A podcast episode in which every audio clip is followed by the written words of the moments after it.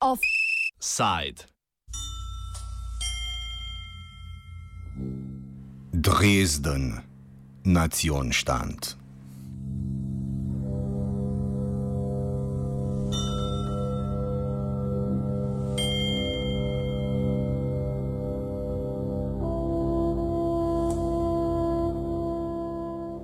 Mestni svet v Dresdnu, glavnem mestu nemške zvezdne države Saške in brlogu skrajno desnega gibanja, domoljubni evropejci proti islamizaciji Zahoda, bolj znanega po kratici Pegida, je sprejel resolucijo, s katero so zaradi neonacizma razglasili izredno stanje po nemško nacionštant. Pobudo je na dnevni red uložil Max Aschenbach, član levosučne satirične stranke Die Partei. Podprlo jo je 39 mestnih svetnikov, 29 jih je glasovalo proti. Johannes, aktivist iz gibanja Hope Fight Racism, ki vsak ponedeljek protestira proti Pegidi, pojasni, da resolucija pomeni simbolno priznanje, da ima Dresden težave s krajnostmi, ki svoj navdih črpajo v nacizmu. Je torej le podlaga za konkretne ukrepe, ki bodo še morali slediti. Uh, so at first it's, uh, it's more symbolic. Uh, the city says uh, at first we have a problem with far right uh, people in the city which are demonstrating, uh, for example, today on a Monday, which are against uh, foreign people, which are racist and which uh, uh say that people are not, um, which say that some people are better than others. If, uh, for example, the refugees are uh, not, they, they don't like refugees because they don't like foreign people and they always say this and the consequence is that the city just says, yeah, we accept that we have a problem. There's no, they don't have to act in any way. So the acts have to be, so now they have to say, okay, on this resolution we made, now we can make some other resolution so that we can act on it.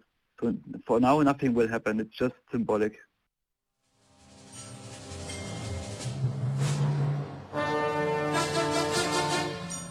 Da je resolucija politične narave brez pravnega ozadja, potrjuje tudi Rafael Bosong iz Nemškega inštituta za mednarodne in varnostne študije. Z njim smo se pogovarjali o povezavah skrajno desnih gibanj s terorističnimi celicami v Nemčiji in medsebojnih povezavah iz preteklosti. In Germany, the threat of right-wing terrorism is in principle nothing new. Um, I think uh, we've had a history of not only in the long past, but also the last 20 to 30 years of uh, repeated violence in various formats. Um, but most of the time this was considered not very organized. Um, so whatever, some local extremists beating up people or putting a firebomb somewhere, but not seen as a sort of organized threat of terrorism. This perception changed in the early 2010s when it came out that there was actually a very uh, the so-called Nationalsozialistischer Untergrund NSU NSU. Uh, this was a group of people, very small, um, who never claimed any public ownership, but was responsible for a series of killings over the years, and this kind of sparked a wave of reports and parliamentary investigations and you name it um, to find out how could it be that these people could operate for um, several years without being uh, not even caught, but uh, that people understood that there was a sort of terrorist group operating. Yeah?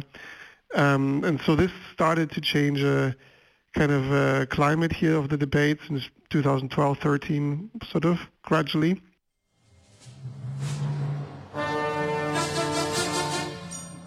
V zadnjih letih se je s poostrenim nadzorom izkazalo, da je spektr delovanja skrajnežev širok, kot taka pa tudi naprednost različnih posameznikov in skupin.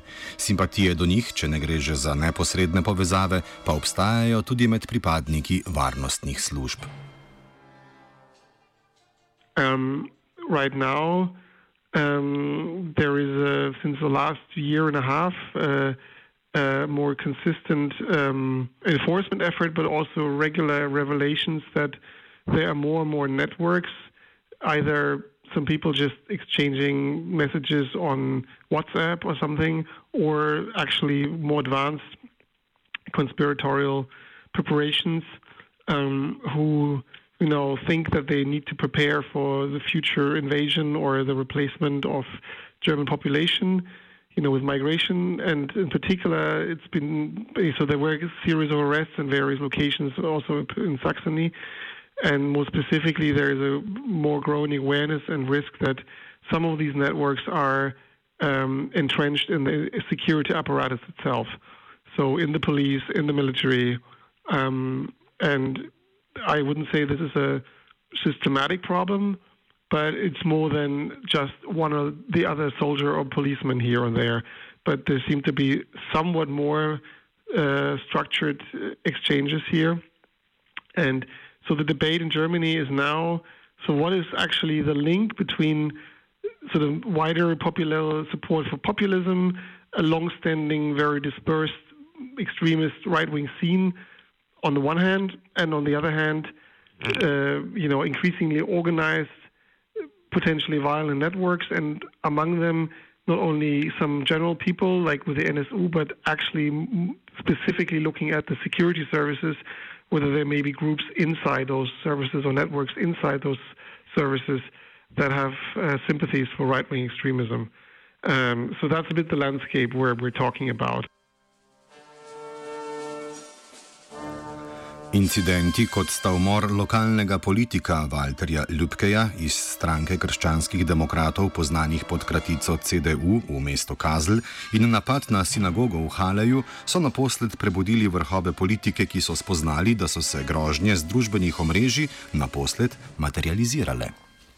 So this woke up a lot of the political class that, you know, some, a lot of the discourse that was happening in the media and social media where people the populists and the extremists are blaming the mainstream, saying, you know, you are traitors and, you know, uh, what, how, what have you done with migration policies? That, that this tipped over from these kind of verbal threats to actual real threats. And so I think this was another shock to the political elites to, to take this more, more seriously. And, and, and lastly, we had this attack now in Halle with a, with a synagogue. Um, and what this emphasized is that, okay, we have these individual actors again, but um, we also have this global scene. You know, it started in New Zealand with uh, Christchurch. Before that, it was also the guy in Norway.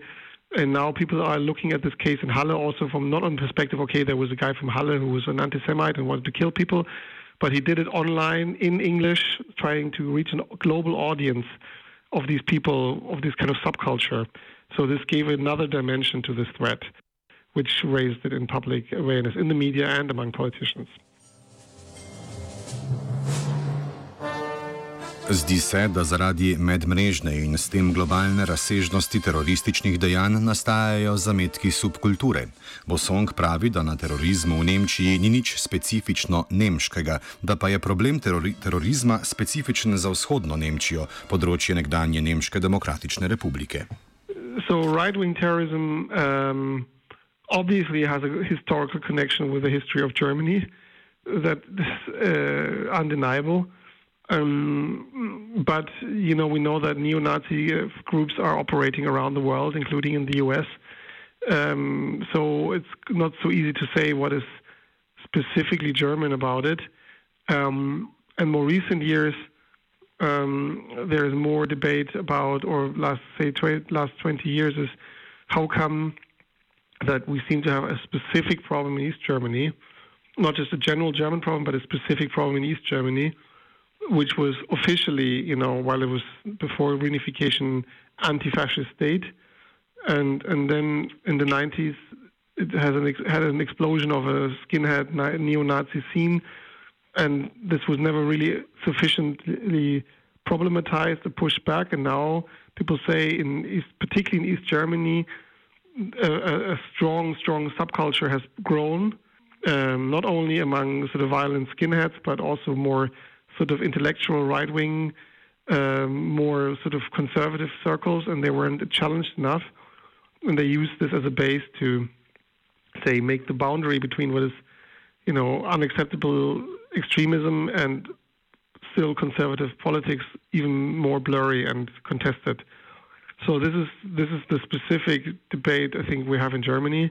This is not to say there aren't other places in Germany that we have a problem, but in East Germany there's a particular focus on this kind of wider political environment that was allowed to grow over 20 years, 25 years, and people say no, this is the fruit that comes from it.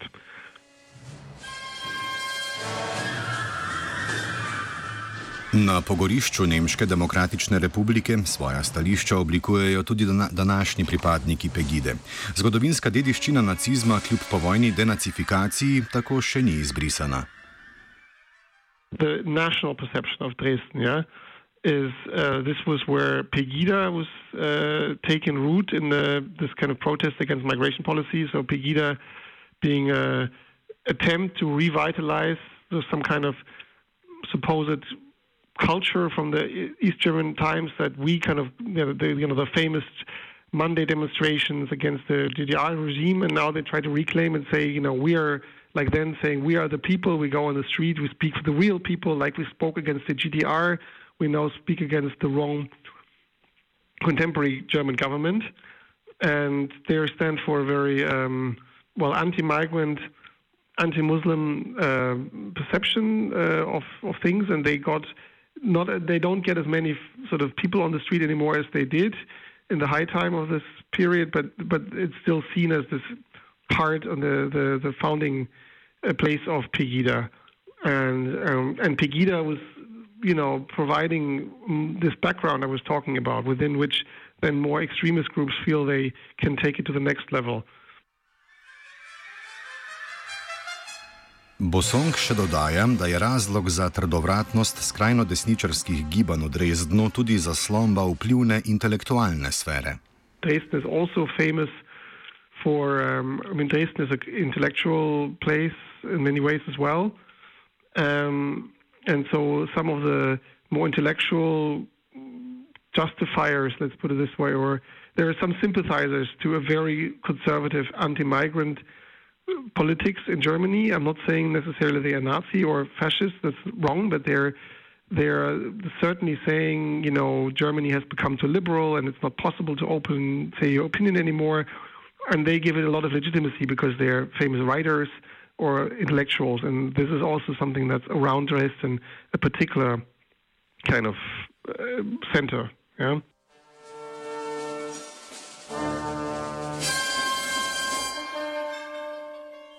V takšnem ideološkem okolju se je uspešno pozicionirala tudi skrajno desničarska stranka Alternativa za Nemčijo, ki je na regionalnih volitvah septembra osvojila 28 odstotkov glasov. Deklarativno desno-sredinsko usmerjeni CDU tako vse bolj prevzema radikalnejšo retoriko. Svetniki CDU so tako glasovali proti resoluciji o izrednem stanju. Johannes v ravnanju stranke vidi nadaljevanje siceršnje politike na Saškem. Yeah, yeah, that's also that's the that's a fact or a problem. The CDU um, fears that uh, voters will go to the AFD because they are far more right and uh, more extreme, um, and they fear that they will lose these people. They already left a lot of voters. Uh, they lost a lot of voters to them already, so they will not uh, say something uh, which could uh, make them lose even more voters. So also and also the CDU was always quite far right in Saxony. It's in the state we are living in. It was they are really close to the things which AFD wants, so they have not, they don't have a big problem to say, yeah, uh, we don't vote for this Nazi emergency thing because uh, we don't have a problem with Nazis. That's what they always say. The CDU says since 30 years they say we don't have problems with far right people. Uh, there's sometimes maybe someone, some person which is right and does something, but we don't have a problem at all in the in the state, which is just wrong. Everyone else says it, but the CDU is not uh, is not seeing the problem and they are not accepting the thing.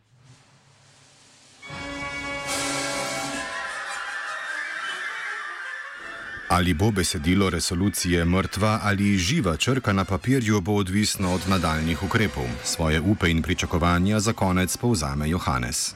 Yeah, um, I hope so because uh, the problems for people which uh, demonstrate against uh, groups like Pegida or different like like nationalist party groups, they always have problems with the city because the city has to regulate the places we get for demonstrations and uh, how close we come to the other people and where we can go through. And we always have problems with these regulations. And now we can say, okay, your city government just said that we uh, that we have a problem with far right people, and we want to support anyone who makes something against uh, the the right wing or the far right people, and who does something for the city. So we can say, okay, now you can support us, so please be on our side and please help us to do our demonstrations as we want to, or not as we want to, but so in the we want the demonstrations like um, they should be on the basic of the right because now they always um, give more place to the Pegida people and less to us. That's not uh, written in the laws in Germany, so we have. I hope that we have a point of discussion there with this resolution. Offside je pripravil žiga.